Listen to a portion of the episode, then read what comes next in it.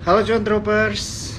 Oke, balik lagi ya ke acara TikToks kita malam hari ini. Oke. Ini aku pin dulu ya pembicaraan kita hari ini di pin sebentar. Ya. Oke, teman-teman semua apa kabarnya malam hari ini? Oke, jadi eh, aku ulang lagi ya. Balik lagi. Halo Eddie Anderson. Hai. Oke, kita balik lagi ke acara TikToks dari Sukor Sekuritas. Di malam hari ini kita akan ada pembicaraan atau diskusi seru ya dengan Benedo Manuel. Jadi Benedo Manuel itu adalah analis dari Coffee Meet Stocks gitu ya. Jadi di sini mungkin ada ya teman-teman yang udah tahu apa itu Coffee Meet Stocks ya. Boleh ya di dicek ya teman-teman ya eh, Instagramnya Coffee Meet Stock. Nah ini juga sekalian nih lagi ngomongin tentang kopi Nah, syukur juga akhir-akhir ini ya teman-teman mungkin udah lihat di sosial media atau di YouTube juga ada uh, Sukor Coffee Talk ya teman-teman ya. Boleh tuh dicek ya. Jadi banyak diskusi seputar pasar modal dengan influencer-influencer dan orang-orang penting ya di dunia investasi uh, saham. Nah, itu teman-teman boleh cek juga. Oke, sambil kita menunggu pembicara kita atau narasumber kita malam hari ini. Oke, mungkin aku bahas dulu ya sedikit. Jadi untuk judul TikToks kita pada malam hari ini itu adalah Habits and Trading Psychology of Winning Traders begitu ya. Ini sini pasti banyak banget nih teman-teman trader gitu ya. Mungkin yang trader boleh wave nih. Mana nih yang trader? Aku pengen coba bagi dulu nih.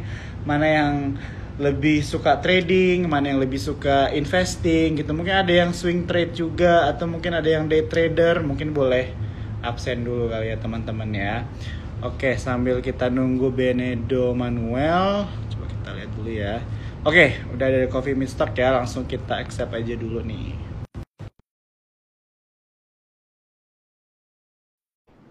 Oh, tuh ada yang scalping juga ya. Nanti kita bahas ya, teman teman-teman nanti jangan lupa ya di towards the end dari diskusi kita teman-teman boleh nih nanya-nanya sama Bro Benedo Manuel. Halo Bro, apa kabar? Halo, halo bro, sehat puji Tuhan. Bro gimana bro?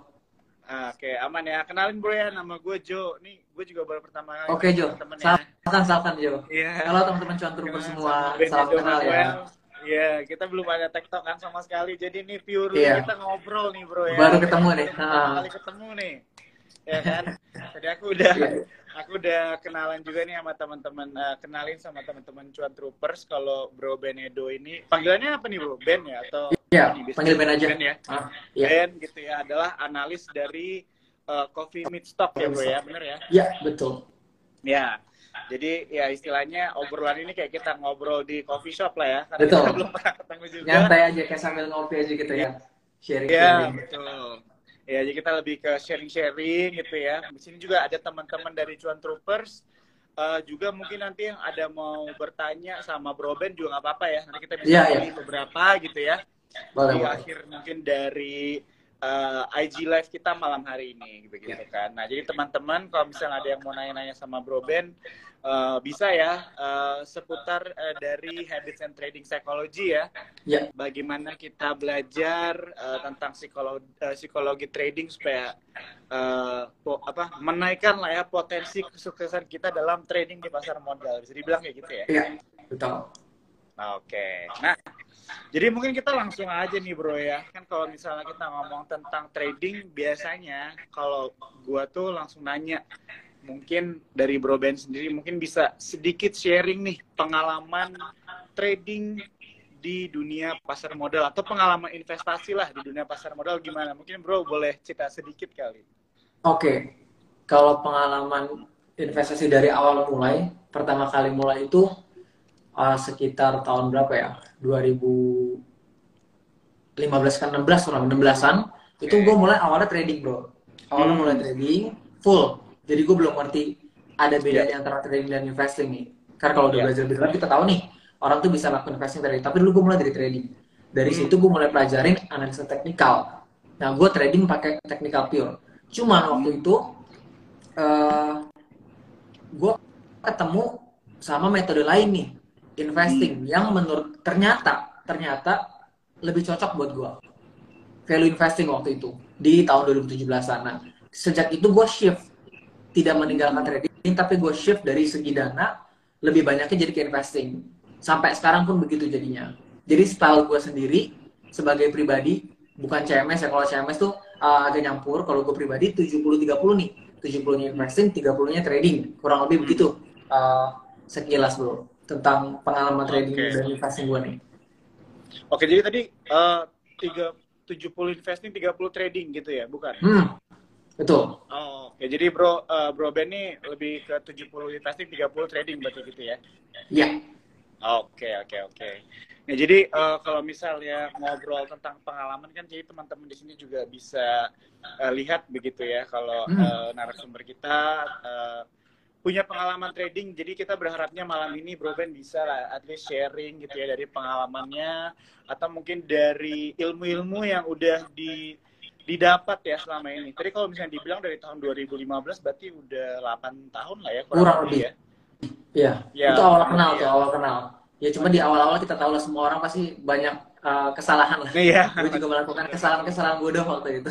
Ya, nah itulah ya jadi ya teman-teman cuan troopers pengen nih belajar dari kesalahan-kesalahan Bro Ben di awal gitu ya supaya kita juga kan sebagai yang baru-baru mungkin belajar atau yang pengen trading tapi nggak kayak kita kan nggak harus selalu nggak harus selalu melakukan kesalahan kita bisa belajar dari kesalahan orang juga kan ya Hmm, dibilang gitu betul, kan betul. untuk Ya. meminimalisir gitu ya kalau misalnya aku sih dari trading sih kan ada istilahnya kita selalu mau meminimalisir resiko kan Resiko, betul. begitu ya. Jadi dari IG Live ini sebenarnya bisa dibilang sebagai salah satu alat lah ya buat kita meminimalisir resiko kalah atau loss ya. Oke.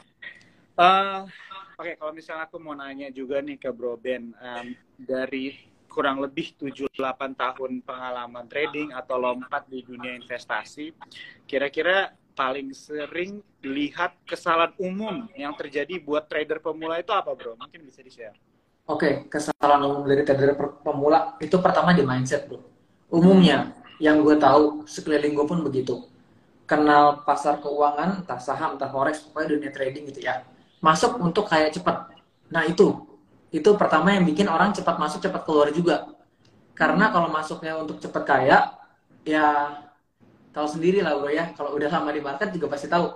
Uh, itu mitos. Itu mitos. Kayak dari kayak cepat dari pasar keuangan itu mitos.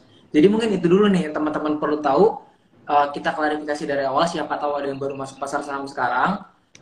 Saham forex uh, instrumen trading lain itu bukan sarana cepat untuk kaya. Di situ dulu. Supaya karena kalau kita pas masuk kita mindsetnya adalah gue pengen kaya cepat dari trading ujung-ujungnya gritnya tinggi Hmm. Nah, grit ini musuhnya trading. Pokoknya grit, fear itu musuhnya trading. Jadi kalau kita masuk mindset udah salah, ada grit di situ ya, ke depannya kita expect akan menemukan kerugian-kerugian yang makin banyak ke depannya gitu. Jadi mungkin mindset itu dulu nih, yang biasanya banyak orang salah dan perlu dibenerin. Itu pengen kayak cepat dari trading. Itu sih bro, yang biasa Oke, gue lihat ya. Oke oke oke. Jadi Hmm. kesalahan Hmm. umum kalau aku recap sedikit yang baru dibilang tadi, jadi kesalahannya itu ada di mindset begitu bro ya. Betul, betul. Tapi ya bisa dibilang benar juga sih ya kalau misalnya teman-teman lihat memang beberapa tahun kemarin mungkin bilang setelah angkatan covid itu banyak banget ya kita lihat investasi bodong ya. Kalau misalnya Hmm. Betul. kita keluar sedikit dari topik eh, tentang investasi pasar modal, kita keluar dulu lah ya ke dunia investasi. Memang banyak yang tertipu gitu ya dalam dunia investasi ini kan mungkin mindsetnya sama tadi ya sama yang Bro bilang betul. pengen cepet kaya begitu kan Hmm, ya jadi Betul, dari betul. mindset inilah banyak bisa dibilang berarti trader di pasar modal itu gagal begitu ya karena Mm-mm. mindsetnya salah ya betul, betul. Oke oke oke. Nah jadi mungkin kalau dari bro-nya sendiri mungkin bro Ben ada yang bisa kali di share ada nggak kira-kira bagaimana nih cara membangun psikologi trading agar bisa mencapai hasil yang maksimal gitu. Boleh bro Oke. di share. Hmm, kalau membangun psikologi trading bro dari yang gua uh, jalanin dan gue sharing-sharing juga sama yang lebih Ya. senior dari gua, eh, nggak ada hal lain yang bisa dilakuin selain jam terbang sih bro. Jadi memang harus uh, harus by times kita trading sambil evaluasi. Jadi ketika kita trading, oh ya mungkin poin yang utama juga adalah kalian harus uh, tahu style trading kalian gitu ya, style trading di mana kalian spesifikin lagi nih kalian hitung bener-bener kalian punya win rate berapa sama kalian punya uh, risk reward ratio biasanya berapa. Nah, dari situ yang akan jadi patokan kalian ke depannya untuk improve uh, trading gitu. Karena dari situ akan kelihatan nanti kapan kalian grid, kapan kalian fear, keukur dari situ. Ya, contohnya, misalnya kalau kalian lagi, uh, misalnya biasanya kalian pakai risk and reward satu banding tiga gitu ya.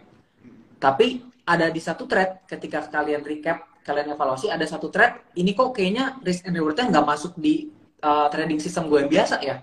Nah di situ berarti ada tanda, oh kalian lagi grid nih waktu itu, lagi mungkin ada input dari teman, katanya dengar-dengar bakal naik, kalian akhirnya maksain untuk trading di situ dan akhirnya rugi. Dari situ bisa belajar. Jadi mungkin di awal kalian bisa lakuin yang namanya pertama, ini gue coba urutin ya, bikin trading journal, bikin trading journal. Jadi kalian recap setiap trading kalian uh, waktu itu pasang di posisi berapa, stop loss TP di mana. Setelah itu, uh, by the time nanti kalian evaluasi. Trading journal dibikin, evaluasi. Nah, dari situ baru deh kalian bisa improve tuh. Uh, bisa kelihatan lah, biasanya kalian salah di mana, di kondisi apa kalian biasanya uh, emosinya ikut main gitu. Mungkin itu dulu sih, Bro. Yang pertama harus dibangun. Karena itu akan jadi patokan buat evaluasi dan improve trading system ke depannya gitu menurut gue itu penting banget ya ya ya jadi penting ya uh, yang namanya punya uh, trading journal begitu ya Betul. yang aku dapetin ya salah satunya ya jadi supaya menjadi sarana buat kita juga untuk uh, mengevaluasi lah ya perjalanan trading kita gitu ya betul ya jadi benar juga sih yang uh, bro uh, Ben baru bilang tadi mention tentang kalau misalnya kita dengar-dengar saham dari orang ini sebenarnya menjadi salah satu pertanyaan dari gue juga sih. Tadi udah gue siapin pertanyaan gitu kan tentang istilah FOMO begitu ya. Hmm. Oke. Okay. Ya kan? Jadi fear of missing out itu kan aku kira juga menjadi salah satu komponen dari psychology of trading juga kan ya. Betul. Gitu betul ya. banget. Ya. ya kan. Jadi karena kita dengar-dengar orang begitu kan uh, beli akhirnya lagi rame dibicarain kita masuk tapi ternyata harganya udah dipucuk terus turun gitu hmm. gitu kan. Iya ya, terus turun betul. akhirnya udah rugi kita takut panik jual terus dia naik ya. nah sering dimainin iya jadi kalau misalnya dari uh, fenomena FOMO ini kalau dari band sendiri kira-kira ada nggak bagaimana menyikapi hal ini atau mungkin dari uh, band sendiri ada nggak uh, apa ya pengalaman personal atau bagaimana secara personal lo menghadapi tentang uh, fenomena FOMO ini supaya nggak ketinggalan supaya nggak ketinggalan berita dan juga tidak ikut-ikutan berita. Gitu. Oke. Okay. Uh, pertama mungkin kita mesti tahu kalau trading itu sangat-sangat uh, personal. Jadi setiap orang bisa punya uh, style trading yang beda-beda. Uh, yang kita bisa lakuin untuk terhindar dari FOMO adalah kita minimalisir semua faktor uh, eksternal. Jadi entah itu berita, entah itu kata teman, seterpercaya apa pun teman kita, selama itu di luar dari trading plan, dari trading sistem kita, ya jangan dipakai gitu. Balik lagi, untuk kita bisa ngelakuin itu, harus ada jam terbang di mana kita terbiasa melakukan analisa sehingga kita udah pede di situ, baru deh faktor-faktor luar, uh, FOMO segala macam bisa kita minimalisir. Kurang lebih gitu bro. Jadi kita mesti uh, pede dulu nih sama hasil analisa kita. Baru kita bisa uh, filter lah. Orang bilang apa kita filter.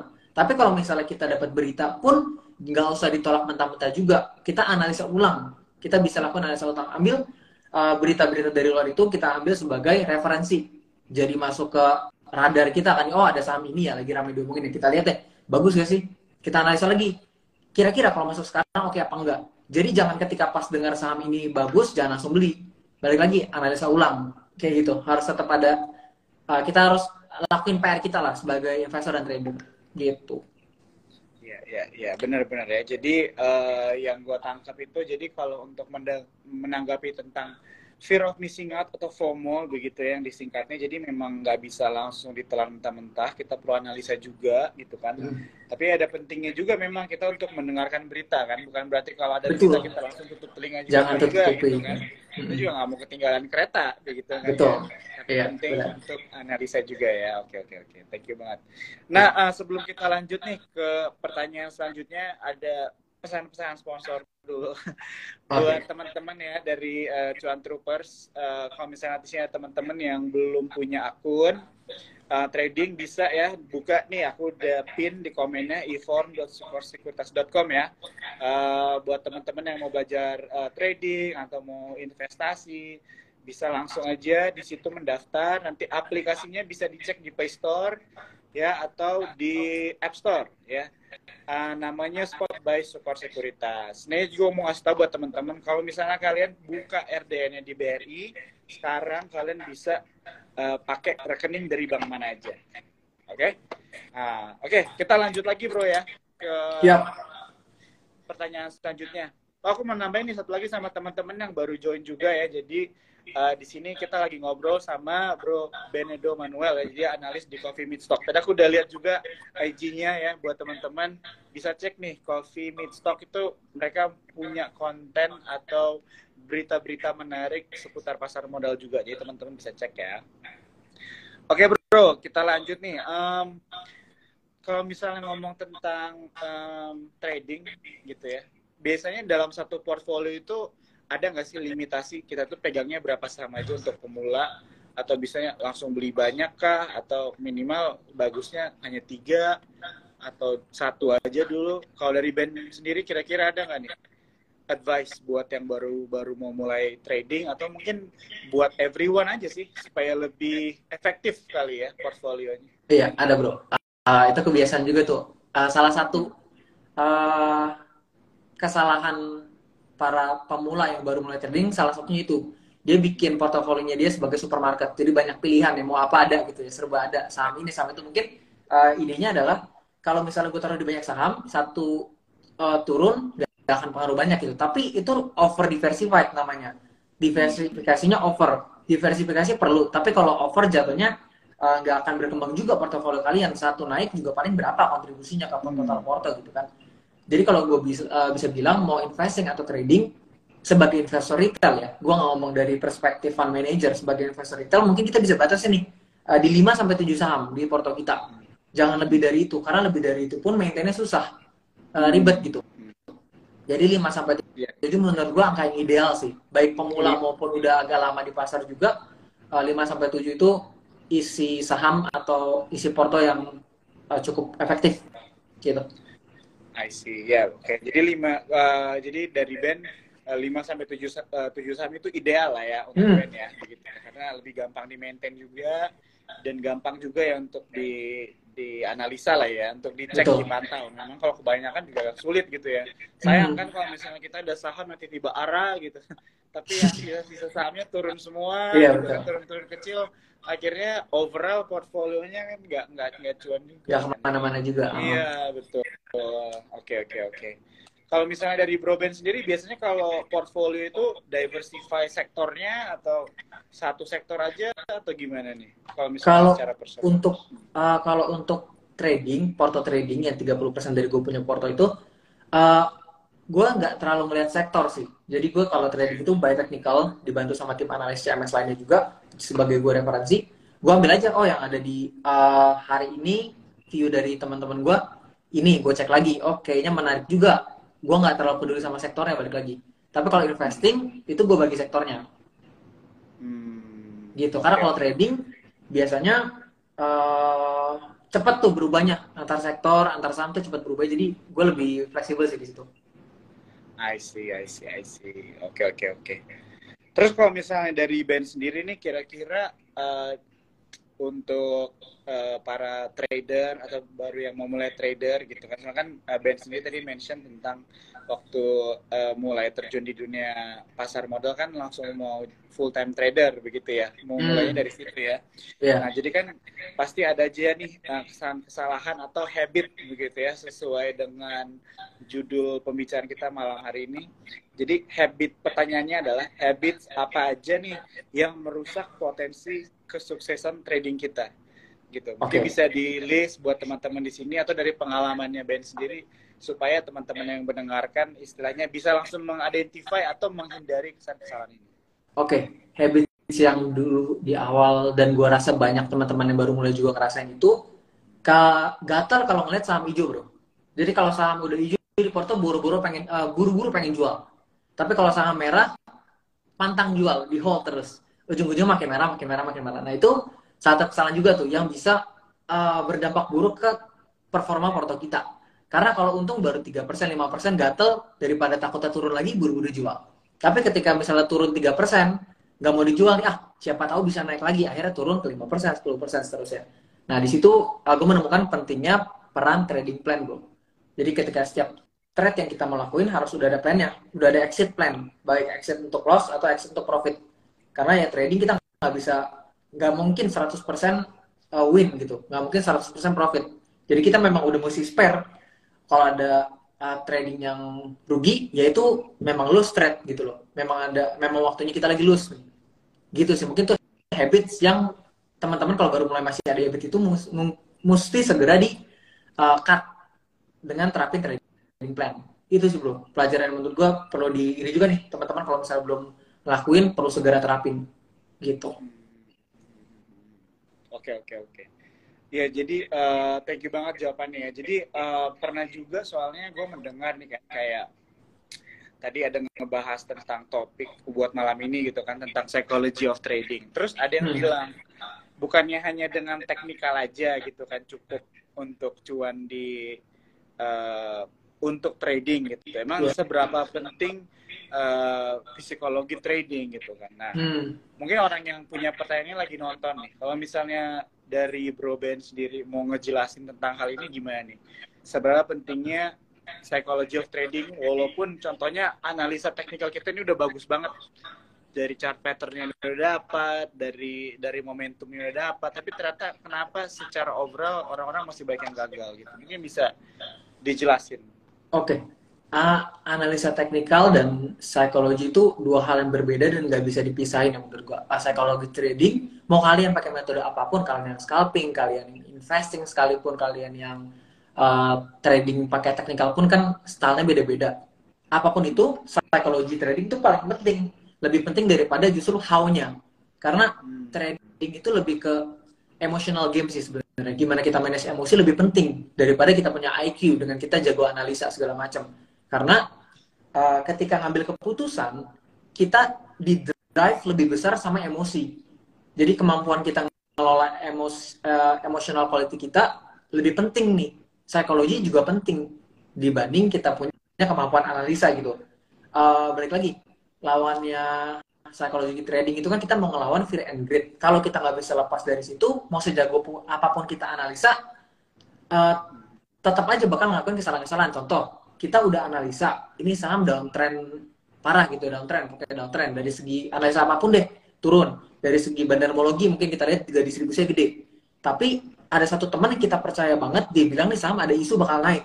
Nah itu kan kontra tuh. Kita analisa, ini saham downtrend besar, nggak akan naik, gitu. belum belum akan naik, belum ada tanda-tanda naik tapi kita gridnya naik nih gara-gara kita ada teman yang kita percaya bilang nih bakal naik. Ambillah kita beli saham itu dan ujung-ujungnya rugi. Nah di situ kan kelihatan peran itu. Kita analisa gimana pun kita ngambil keputusan tetap di drive sama kita punya emosional atau psikologi. Jadi kalau itu nggak matang ya kita bisa kena hal-hal kayak tadi lagi.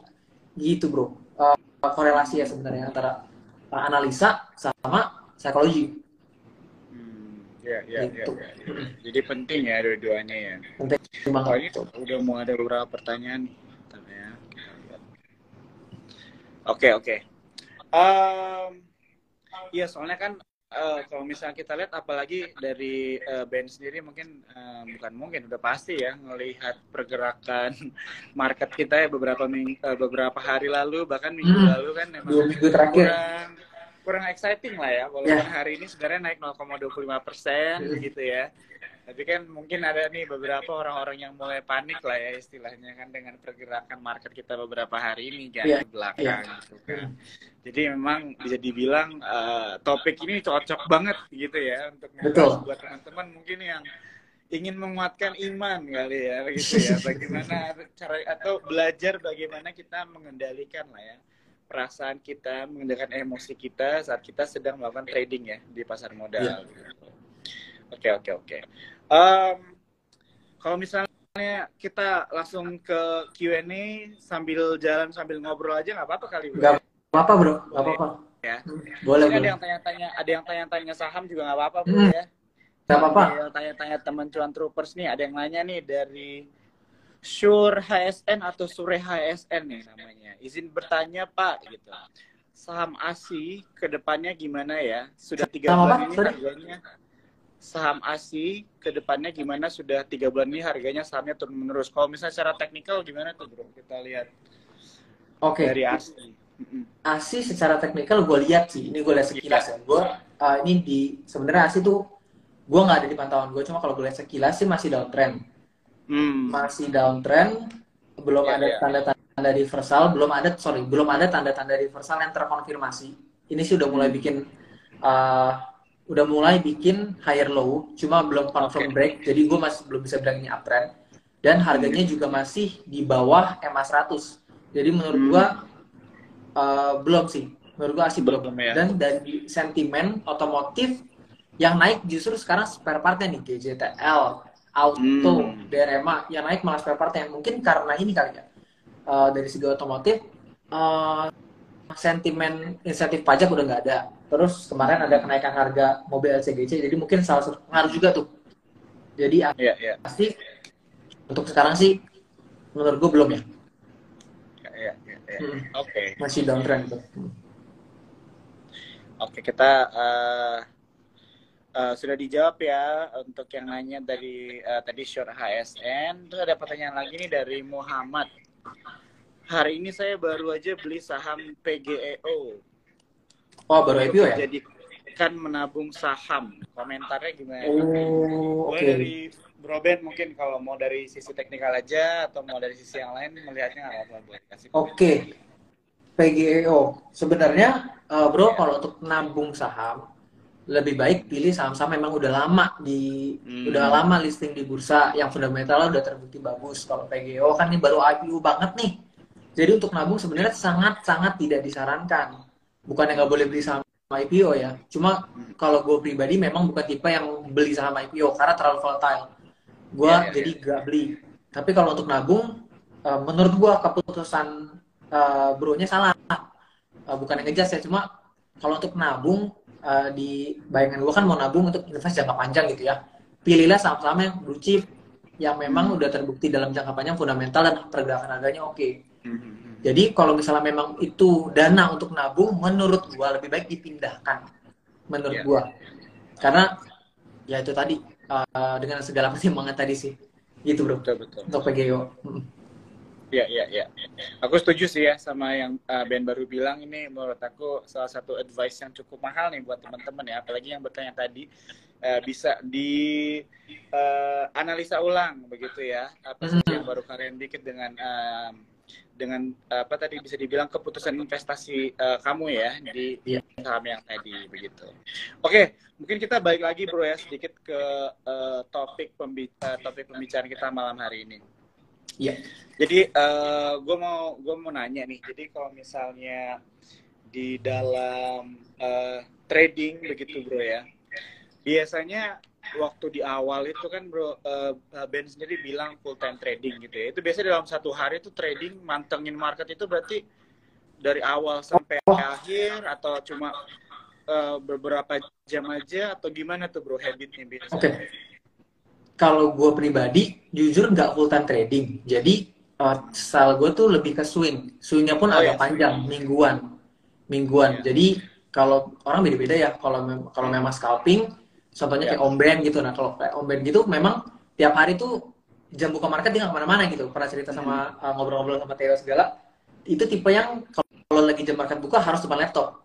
Nah, tapi kalau gua nggak, gua lebih ke mungkin kalau lagi ada aja gue udah beli ya udah gue tinggal gitu gue pasang stop loss dan uh, TP Mhm. jadi nggak tiap Oke. hari banget harus mantengin gitu Hmm, hmm, hmm. Oke, jadi nggak mantengin terus begitu ya?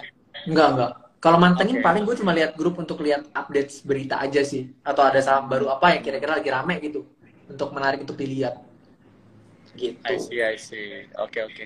Terus kalau misalnya dari band sendiri, eh, pasti ya, gue yakin banget lo pasti pernah eh, cut loss begitu ya dan sebagainya. Nah itu untuk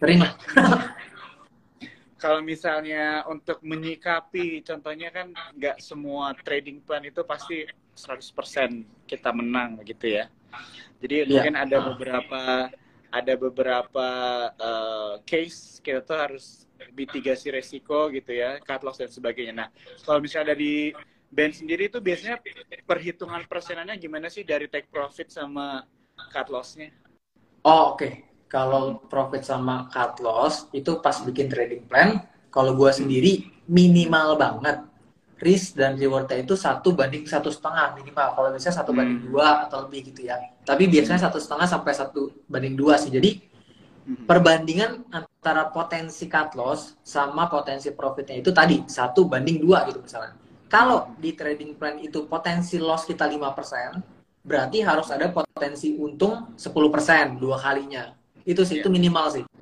Kalau gue sendiri nerapin itu. Tapi setiap orang bisa beda-beda, balik lagi sama trading sistemnya. Mungkin ada yang satu banding satu bisa cuan, karena win rate tinggi, bisa jadi Hmm. gitu tapi yang gue pakai adalah satu banding satu setengah sampai satu banding dua jadi nggak terlalu panjang juga time frame gue trading gitu sebenarnya I see, I see. Oke. Iya, iya, iya. Menarik banget ya nih ya teman-teman John Troopers ya kita bisa belajar bareng nih sama uh, Ben ya, Benedo Manuel. Oke, kalau misalnya um, pertanyaan selanjutnya mengenai um, kalau misalnya um, eh sebentar, ini kita lihat dulu nih. Oh, kita ada dari Michael Infinity dulu nih bro. Katanya kalau analisa, kalau nunggu analisa dulu kadang sahamnya keburu terbang dulu. Gimana nih? kalau nunggu analisa sahamnya keburu terbang berarti itu bukan rezeki lu bro berarti bukan rezeki jadi nggak usah eh, analisa tuh nggak bisa tidak analisa nggak bisa dijadiin alasan untuk ketinggalan ya jadi mending lu ketinggalan daripada lu beli tan lu beli buta gitu. Ah, ini beli dia, kucing betul. dalam karung Ah, Ya, ya. mending ketinggalan daripada beli kucing dalam karung ya kayak gitu Ya, ya, ya, ya. Nah, ini karena resikonya sama besar nih. Hmm. Iya, iya, iya. Ini sebenarnya sama sama apa yang tadi gue pengen tanyain juga. Soalnya di dalam realitanya, bro, pasti uh, Ben sendiri juga udah ngalamin. Kita ada momen di mana kita cut loss gitu ya, terus harganya Hmm. turun terus. Di situ kita ngerasa, oh, I did Untung. right thing. Betul ya. ah betul terus ada betul juga kita udah kayak take profit nih. Terus Ah. harganya naik terus kan. ya Ada juga kita take profit naik Betul. terus, terus gimana gitu kan. Di situ kan kayak, aduh apa gue beli lagi gitu Iya, kan. iya, iya. Terus Harusnya ntar aja jual lagi kan. Iya, pas beli, pas kita beli dia turun, ada juga kan gitu kan. Iya, Kejadiannya betul, betul. gitu kan. Nah, kalau Nah. dari band sendiri gimana tuh menyikapi hal-hal seperti itu? Oke. Eh, untuk hal seperti itu mesti belajar bodoh amat sih. Jadi terima rezeki yang udah dikasih, jangan Iya. berharap apa yang udah nggak jadi milik lo gitu loh. Iya, Jadi iya, iya. kalau lu punya trading plan, TP di 10%, udah kena 10% udah TP ya udah. Lupain aja gitu lu pernah beli saham itu, udah nggak usah lihat lagi, cari lang- cari yang lain gitu. Jadi itu nggak bisa nggak bisa diajarin suruh itu nggak ada ininya. Soalnya kita ngelihat fenomena begitu ya udah pasti sering lah. Jadi gimana Iya. kita makin mati rasa aja ketika trading sih. Jadi itu Iya, iya, bakal lebih membantu sih kalau kita bisa sampai di titik mati rasa. Ketika kita ke atas TP bisa mati rasa sih itu udah berarti udah hebat loh. Ah, di trading kalau bisa mati rasa. Kesannya, kesannya sedih banget ya kayak trader-trader ini diajarin harus mati rasa bro ya. Tapi itu penting Rin. Heeh. Tapi benar, gue setuju banget. Soalnya, soalnya nih kejadiannya sering banget. Kalau misalnya gue ada eh, contohnya rekomendasi siapa teman gue gitu kan, Hmm. gue udah bilang dari kapan nih gitu kan masuk, pokoknya tiba-tiba naik. Terus kayak oh udah naik nih kan, baru masuk. Atau misalnya udah take profit, jual aja kali, udah udah dapet gitu kan sesuai Hmm. trading plan-nya gitu ya. Biasanya kalau gue sih 7% gitu kan. Hmm. 7-8% gue udah bisa gitu. Ya sesuai eh, sesuai proyeksi juga sih begitu ya Ya. terus tiba-tiba masih naik terus gitu kan. Nah, kadang-kadang ada tuh orang ah, masih naik lagi, masuk lagi gitu kan. Taunya harganya turun kan. Taunya harganya Ya, ya. turun akhirnya arti ah, ah, ah, cuan yang didapat di trading yang pertamanya akhirnya hilang. Habis juga.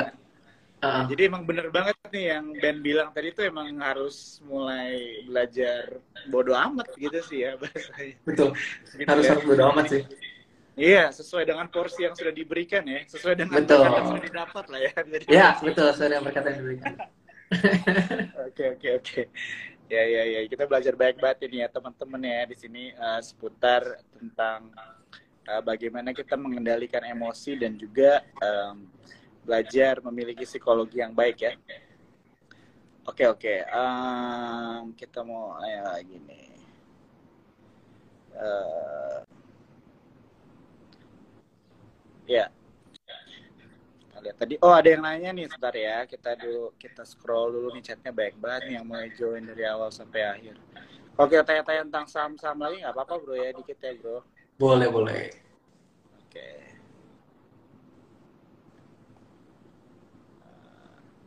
Aduh, udah di atas nanti lah ya. Ini mana? Oke, kita lanjut aja lagi. Uh, ya. Kalau misalnya dari uh, Bro Ben sendiri, berarti kalau misalnya aku tanya nih, uh, tiga faktor lah ya, tiga aja deh. Tiga faktor penting buat para uh, cuan troopers dan semua teman-teman kita nih yang lagi nonton IG Live malam hari ini. Tiga faktor penting uh, yang diperlukan atau yang perlu diingat oleh mereka untuk trading yang sukses itu apa? Oke, tiga faktor mungkin lebih ke pertama harus disiplin, disiplin sama ya. trading plan yang udah dibuat disiplin. Kemudian sabar, sabar dalam arti ketika kita dalam perjalanan trading ada stop, ada cut loss, ada take profit, jangan terlalu overreact. Ketika untung jangan terlalu euforia, ketika loss jangan yang nggak usah lebay gitu lah ya istilahnya. Harus sabar juga evaluasi kita punya trading system. Mungkin ketiga risk management. Jangan lupa tuh. Jadi risk management termasuk di kalian punya risk and reward ratio sama kalian punya position sizing. Supaya porto kalian berkembangnya bisa lebih uh, optimal gitu dengan meminimalisir resiko atau memanage resiko.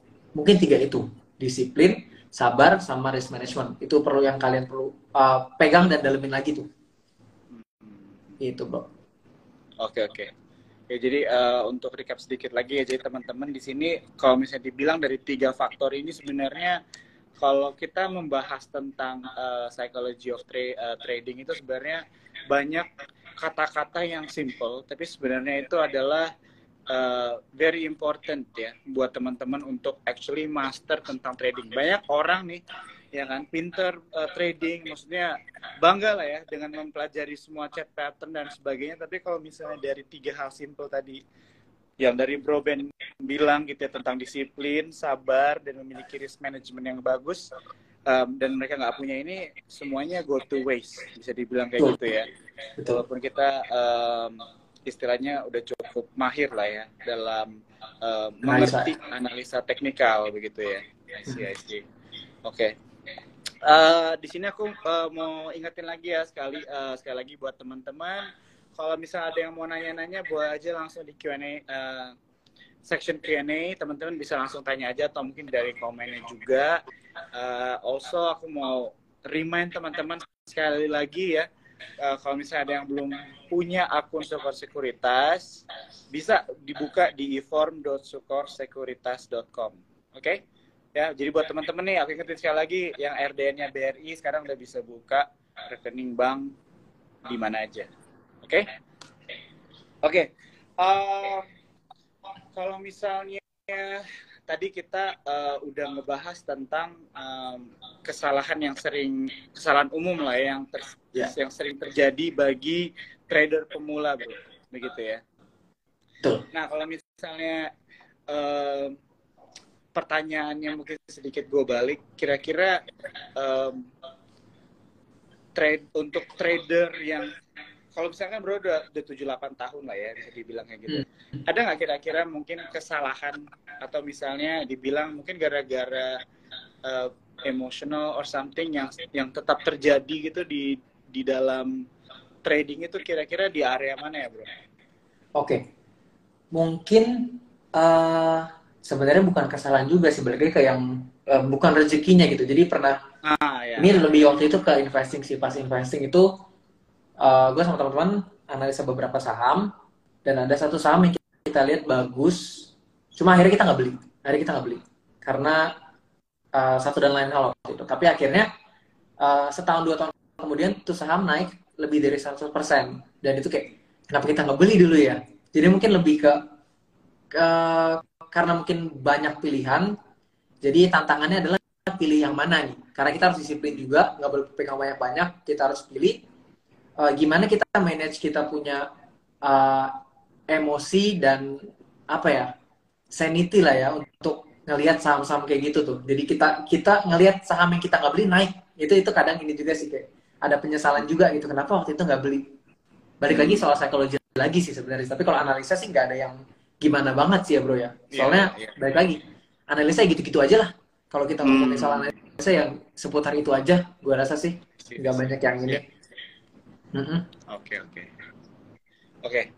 Uh, kalau misalnya dari uh, kalau misalnya kita ngomong langsung lompat ke trading gitu ya bro ya. Kira-kira kalau dari uh, band sendiri cara analisa um, uh, cara analisa saham secara teknikal itu uh, da ngelihatnya dari sisi mana ya bro? Soalnya kan kalau misalnya kita lihat kan banyak nih orang yang menggunakan banyak pattern, hmm. menggunakan banyak istilahnya fitur-fitur ya untuk uh, fitur-fitur tanda kutip untuk menganalisa satu saham secara teknikal. Dan itu kan bisa membuat banyak invest uh, bukan punya banyak trader pemula itu uh, bingung begitu ya kan atau takut. Nah ini kan juga bisa mengganggu mengganggu psikologi mereka begitu kan. Soalnya kadang-kadang kalau misalnya kita tarik support garis support sama garis resistance, kalau orangnya yang ngelihatnya sometimes interpretasinya bisa berbeda kan. Hmm, Apalagi betul. kalau misalnya dimasukin pattern-pattern yang lain kan kayaknya jadi bingung nih, ini buy atau sell atau gimana. Nah, hmm. kalau dari Bro Ben sendiri mungkin ada nggak kira-kira uh, trading strategi yang simple gitu, yang disimplify mungkin yang bisa di-share buat teman-teman uh, kita yang lagi nonton Aji Live malam hari ini. Oke, okay, mungkin uh, seiring gue belajar, uh, ada satu sih yang menurut gue makin gue sadari ternyata penting banget gitu ya. Penting ada satu yang penting banget. Pertama bukan pertama yaitu adalah konfirmasi. Jadi gue berusaha untuk menghindari segala bentuk ya walaupun sisi spekulasi kita nggak bisa hindari dari yang namanya trading udah pasti ada spekulasi di situ kan ada kita memperkirakan hmm. mungkin naik mungkin turun spekulasi tetap ada yeah. cuma gimana kita meminimalisir jadi biasanya hmm. gue trade off potensi kenaikan sorry jadi enaknya bahasanya gimana ya jadi gue nggak apa-apa cuannya nggak terlalu besar tapi potensi untuk dia jadi cuan tuh gede lebih gede itu yang gue maksud dengan nunggu konfirmasi jadi baik itu kita strategi buy-nya mau buy on weakness atau buy on breakout gue cari hmm. konfirmasi konfirmasi kita bisa dapat dari mana sih kita bisa hmm. dapat dari candle dan volume ya buat ini buat teman-teman juga jadi kalau dari candle itu misalnya misalnya kita mau beli saham yang lagi ke area support Misalnya ada saham di area support kita mau beli. Jangan pas harganya baru kena support kita langsung beli. Kalau gue biasanya nunggu dia ada satu atau dua candle udah mau mantul, udah mantul. Dan volumenya lumayan besar. Itu yang gue maksud dengan konfirmasi. Ada konfirmasi potensi pantulan. Di situ baru buy. Gitu. Itu penting banget untuk konfirmasi supaya kita menghilangkan tadi spekulasinya biar gak gede-gede amat lah istilahnya kayak gitu. Itu sih yang gue pelajarin penting banget soal konfirmasi itu. Jadi mau gimana pun kalian uh, narik garisnya, mau uh, mau sebeda apa view-nya, konfirmasi itu menurut gue sih tetap bisa jadi, oh oke okay, ini boleh buy. Kayak gitu sih bro. Hmm. I see, oke oke. Okay. Jadi konfirmasi penting ya bro ya, itu ya istilahnya hmm. dari perjalanan lo berinvestasi lah ya selama ini konfirmasi it's one of the key important thing lah ya di dalam uh, dunia pasar modal ya begitu begitu. Hmm. Oke oke, oke, oke. Uh, soalnya kalau misalnya kita ngebahas dari tadi kita ngebahas tentang trading ya. Yeah. Um, tapi sebenarnya kalau kita bahas tentang investasi for long term juga sebenarnya bisa dibilang itu membutuhkan psikologi yang yang benar juga ya, bro ya. Betul, betul. Investing ya, juga kan? apalagi ketika saham saham yang kita beli untuk investing tuh lagi minus. Gimana kita tetap nggak panik misalnya ngeliat yeah. tuh saham minus 20% segala macam selama karena kita kalau investing acuan adalah fundamental selama kinerja perusahaan yang nggak ada perubahan signifikan ya kita nggak nggak harus panik tuh dan kalau ada budget malah bisa nambah jadinya untuk average down yeah, yeah. gitu sih itu penting juga psikologi perannya di investing ya yeah, yeah, yeah. Ya jadi uh, emang, emang benar ya teman-teman ya. Jadi kalau misalnya uh, overall gitu ya, mungkin kalau di dalam trading itu memang lebih membutuhkan kedisiplinan gitu ya. Karena kalau dalam uh, kita investasi long term gitu kan kita cuma taruh aja sekali atau kayak istilahnya nabung lah ya. Yeah. kayak DCA dollar cost averaging gitu kan.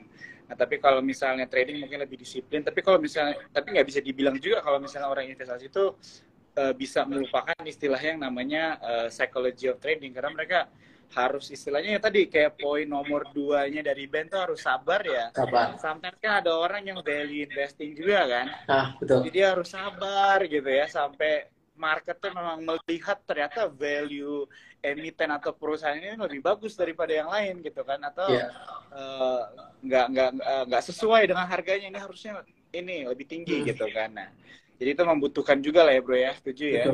Uh, psikologi kan, uh, ya, psikologi trading yang baik. Nah, kalau misalnya tadi kan uh, Bro Ben juga uh, Ben juga mention ya tentang 70% you invest, right? Hmm, And then betul. 30 trading ya. Betul. Jadi uh, kalau tadi mention tentang analisa gitu kan. Kalau misalnya untuk investing long term berarti uh, dari Bro Ben sendiri gimana tuh strategi analisanya biasanya? Oke, okay, kalau untuk investing yeah. pasti ke laporan keuangan jadi review perusahaan dari profitability-nya, dari resiko utangnya, sama dari growth-nya. Utamanya sih itu bro. Yang gue lihat, yeah, yeah, yeah. Uh, kalau kalau bisa dia growth, tapi kalau nggak growth pun ada potensi gak dia untuk uh, growth. Contohnya ada salah satu saham properti ini yang gue pegang juga. Nah itu kan kalau dari laporan keuangan historical, yeah. ya dia nggak growth karena memang uh, sektor properti turun udah sekitar lima enam tahun gitu ya. Nah, tapi kalau kita lihat ada potensi di situ dari segi perusahaan, dalam arti GCG-nya bagus, terus dia punya uh, lahan masih luas untuk di-develop, dia juga ikut hmm. perkembangan dengan uh, sentimen IKN segala macam, gue lihat itu bagus ya, gue juga mempertimbangkan itu sebagai potensi growth ke depannya. Makanya gue bisa beli. Hmm. Dan gue lihat juga dari sisi resiko utang dibanding peers-nya beberapa uh, kompetitornya dia cukup bagus nih cukup kuat lah perusahaan cukup besar makanya gue beli kurang lebih perspektifnya ketika mau beli kayak gitu bro profitability yeah, yeah. growth terus dari sentimen potensi juga kayak gitu ya yeah, yeah, yeah. oke okay, thank you banget ya emang kalau misalnya mau nanya tentang analisa dari sisi fundamental itu emang banyak banget sih. Nggak bisa iya, banyak, ini satu jam juga. Betul. Gitu ya. Tapi thank you banget nih dari Bro Ben udah ngejawab gitu kan karena teman-teman cuan troopers di sini juga pasti pengen pengen belajar gitu kan. Kalau misalnya hmm. secara singkatnya dari Ben sendiri gimana sih gitu kan menganalisa satu saham untuk uh, investing gitu ya. Yeah. Iya. Uh, tadi kayak yang udah dimensinya kan lihat laporan keuangannya, lihat growth-nya gitu mungkin lihat juga dia posisinya dia itu ke nomor berapa di industrinya dan sebagainya. Di industrinya ya betul. Ya. Um. Ya, ya. Hmm. Nah ini uh, ada pertanyaan nih tadi yang nanya tentang kalau saham Telkom gimana ya? Nih kita kalau ngomongin tentang investing nih biasanya orang kan investing nih di saham-saham di cap sih, saham-saham gede. Kita lihat nih kalau misalnya Telkom nih gimana bro? Oke, okay, Telkom. Kalau mau lihat dari sisi teknikal, fundamental mungkin bisa di share nih buat temen yeah. yang nanya bakal akan di appreciate banget. Ya. Ya, kalau Telkom, jujur gue sih, uh, Telkom nggak ada di universe gue. Jadi gue mm-hmm. tidak melihat Telkom baik untuk investing maupun trading. Jadi gue sebenarnya nggak pernah lihat dia punya fundamental sih. Cuma yang gue tahu terakhir dia agak tertekan aja karena Goto ya. Karena kan uh, Telkom uh, ada ada Goto di portonya, jadi lumayan tertekan tuh yeah, dari yeah, segi yeah. Uh, aset perusahaannya. Cuma kalau sekilas gue lihat dari teknikal, ya teknikal yeah, sekilas dia baru break MA 100. Jadi mungkin kalau misalnya dia dari trace dan ada konfirmasi mantul lagi ke atas boleh dipertimbangin juga gitu ya jadi ini, hmm. ini udah boleh mulai dilirik kalau Telkom yeah. secara teknikal tapi fundamental uh, gue jujur nggak nggak pernah lihat sih Telkom I see hmm. oke oke oke gitu um, Thank you ya. Uh, buat teman tadi yang udah nanya, uh, semoga ya udah menjawab uh, uh, pertanyaannya. Iya, semoga. Nah, sekarang kita masuk nih kan, uh, tadi kan kita ngebahas kayak awal kan ini kan sebenarnya lebih ke arah kayak coffee talk gitu lah bro ya. Iya. Kita diskusi santai aja, sharing. Kebetulan banyak yang nonton, kira-kira kayak gitulah ya. Uh, kalau misalnya, yeah, yeah. kalau misalnya kita ngobrolin tadi kan tentang psychology of winning traders gitu ya mungkin kalau misalnya kita geser sedikit nih tentang mungkin dari view-nya nih Ben gitu kan sebagai yeah. analis dari coffee stock kira-kira uh, di tahun ini ada nggak industri yang menarik menurut Ben gitu atau mungkin dari universe-nya Ben sendiri tadi kan bilang Telkom mungkin nggak di universe lu tapi mungkin Hmm. lu bisa share atau di universe atau di insight-insight dari industri atau mungkin ada saham-saham yang menarik yang bisa teman-teman cuan troopers mulai pantau kali. Oke, kalau untuk uh, mungkin gue share sedikit. Kalau untuk investing, untuk investing biasa yang gue dan teman-teman Cafe Mesok lakuin tidak terlalu terpaku sama sektor, jadi lebih ke emitennya. Ya, ya. Dan kalau misalnya untuk melihat sektor biasanya tuh untuk trading dan itu nggak panjang-panjang banget nih. Jadi kalau misalnya sekarang dalam waktu dekat tuh yang kita lihat mungkin salah satunya ada di sektor uh, retail dan consumer mendekati Lebaran Iya. juga. Jadi itu boleh dilihat Nah, nah. retail dan consumer MAPI, uh, Cleo, ULTJ, ini gue ada contekan nih. Uh, apalagi Iya, iya, iya. Cleo, ULTJ, MAPI, MIDI ya boleh dilihat tuh. Terus mungkin uh, sawit juga boleh. Uh, sawit Hmm. dalam waktu dekat juga boleh karena ada isu mau apa pengetatan ekspor. Jadi otomatis supply di uh, internasional bakal lumayan berkurang, jadi harganya mungkin akan naik. Jadi saham-saham yang uh, sawit ada potensi naik juga gitu. Jadi boleh dilihat juga tuh CPO teman-teman untuk trading ya. Gue nggak bilang untuk investing Iya. untuk trading. I see, I see. Gitu. Oke. Kurang Thank you bro ya uh, insight-nya. Ini ada pertanyaan lagi nih pada nanyanya Hmm. di chat nih comment section. Jadi aku harus scroll scroll dulu. Dari P uh, dari PTMW. Tadi nanya dia kalau misalnya untuk time frame itu uh, time frame berapa untuk lihat pantulannya? Itu Oh. gimana bro kalau misalnya kita trading ya? Kalau mau lihat time frame itu yang satu hari kah? Mungkin yang hitungan jam, menit atau mungkin mingguan? Hmm, Kalau di saham Indo sih ah, pasti daily sih bro ya soalnya kalau yang jam kayaknya Indonesia belum selikut itu untuk bisa dilihat enak chart Hmm. yang per jamnya. Jadi mungkin kalau time frame-nya ya masih kayak mingguan gitu bulanan daily sih chart daily. Iya. Tapi kalau memang lebih cepat 4 jam gua rasa juga udah bisa sih. Cuma gua selalu pakai daily sih. Kalau untuk Hmm. Indo gitu. Berarti harian ya, daily ya teman-teman ya. Hari, ah, harian cukup daily juga sih. Gitu. I see. Oke oke oke oke. Um, eh, aku lagi lihat scroll pertanyaan. Oke, sambil kita nunggu kalau misalnya ada pertanyaan lagi ya teman-teman ya satu lagi mungkin sebelum kita tutup karena udah mau sejam. Nah, Oh, iya. jadi kalau misalnya Ya, um, um, kit- kita mau recap lah ya pembicaraan dari awal sampai akhir. Kalau misalnya tadi aku juga lihat kan teman-teman cuan troopers ini eh, naik terus nih angka yang nonton nih ya tadi.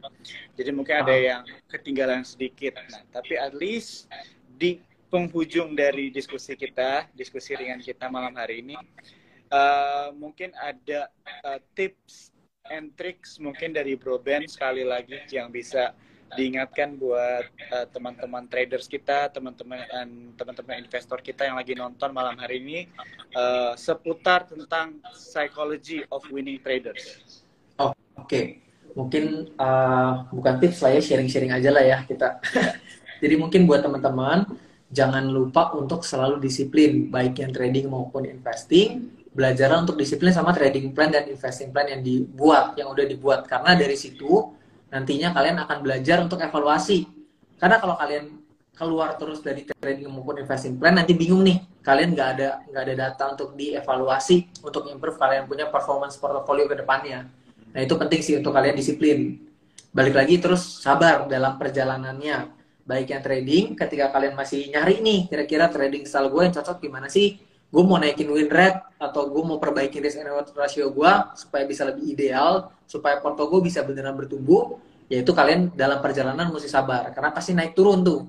Dan ketika turun jangan overreact, jangan ter, jangan apa ya, istilahnya jangan terlalu berlebihan lah reaksinya. Jadi kalian uh, cut loss itu hanya trade yang loose, hanya trade yang kalah ya. Memang kalian akan temuin ke depannya lagi gitu loh anyway. Yang kalian perlu lakukan adalah tadi evaluasi supaya uh, overallnya bisa profit.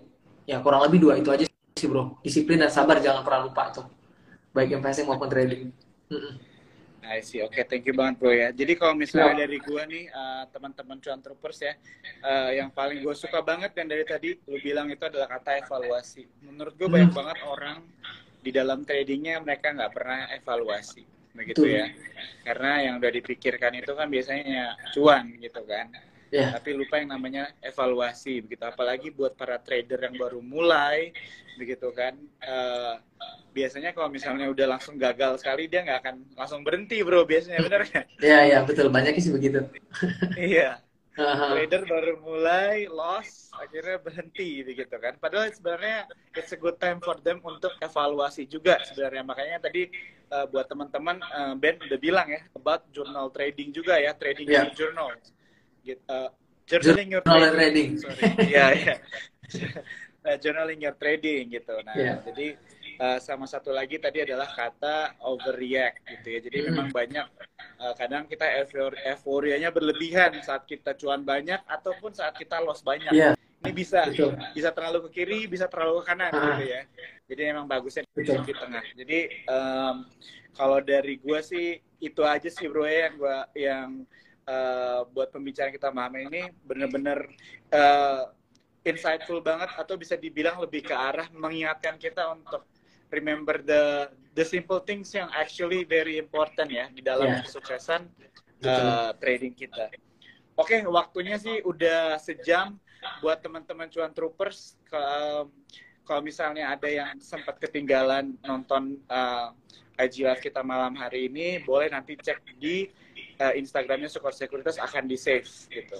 Bro Ben, Siap. thank you banget bro ya. Thank you juga Bro Jo buat support. Sharingnya bro ya. Ya, thanks for having me ya. Kita nanti kapan-kapan IG Live lagi bakal bakal uh, bahas hal-hal yang lebih uh, yang lebih baru lagi, lebih menarik lagi buat teman-teman Ya. cuan troopers lagi, oke? Siap. Thank you ya bro ya. Oke. Thank you, bro. Thank you, thank you, thank you. Thank you teman-teman semua. Bye bye.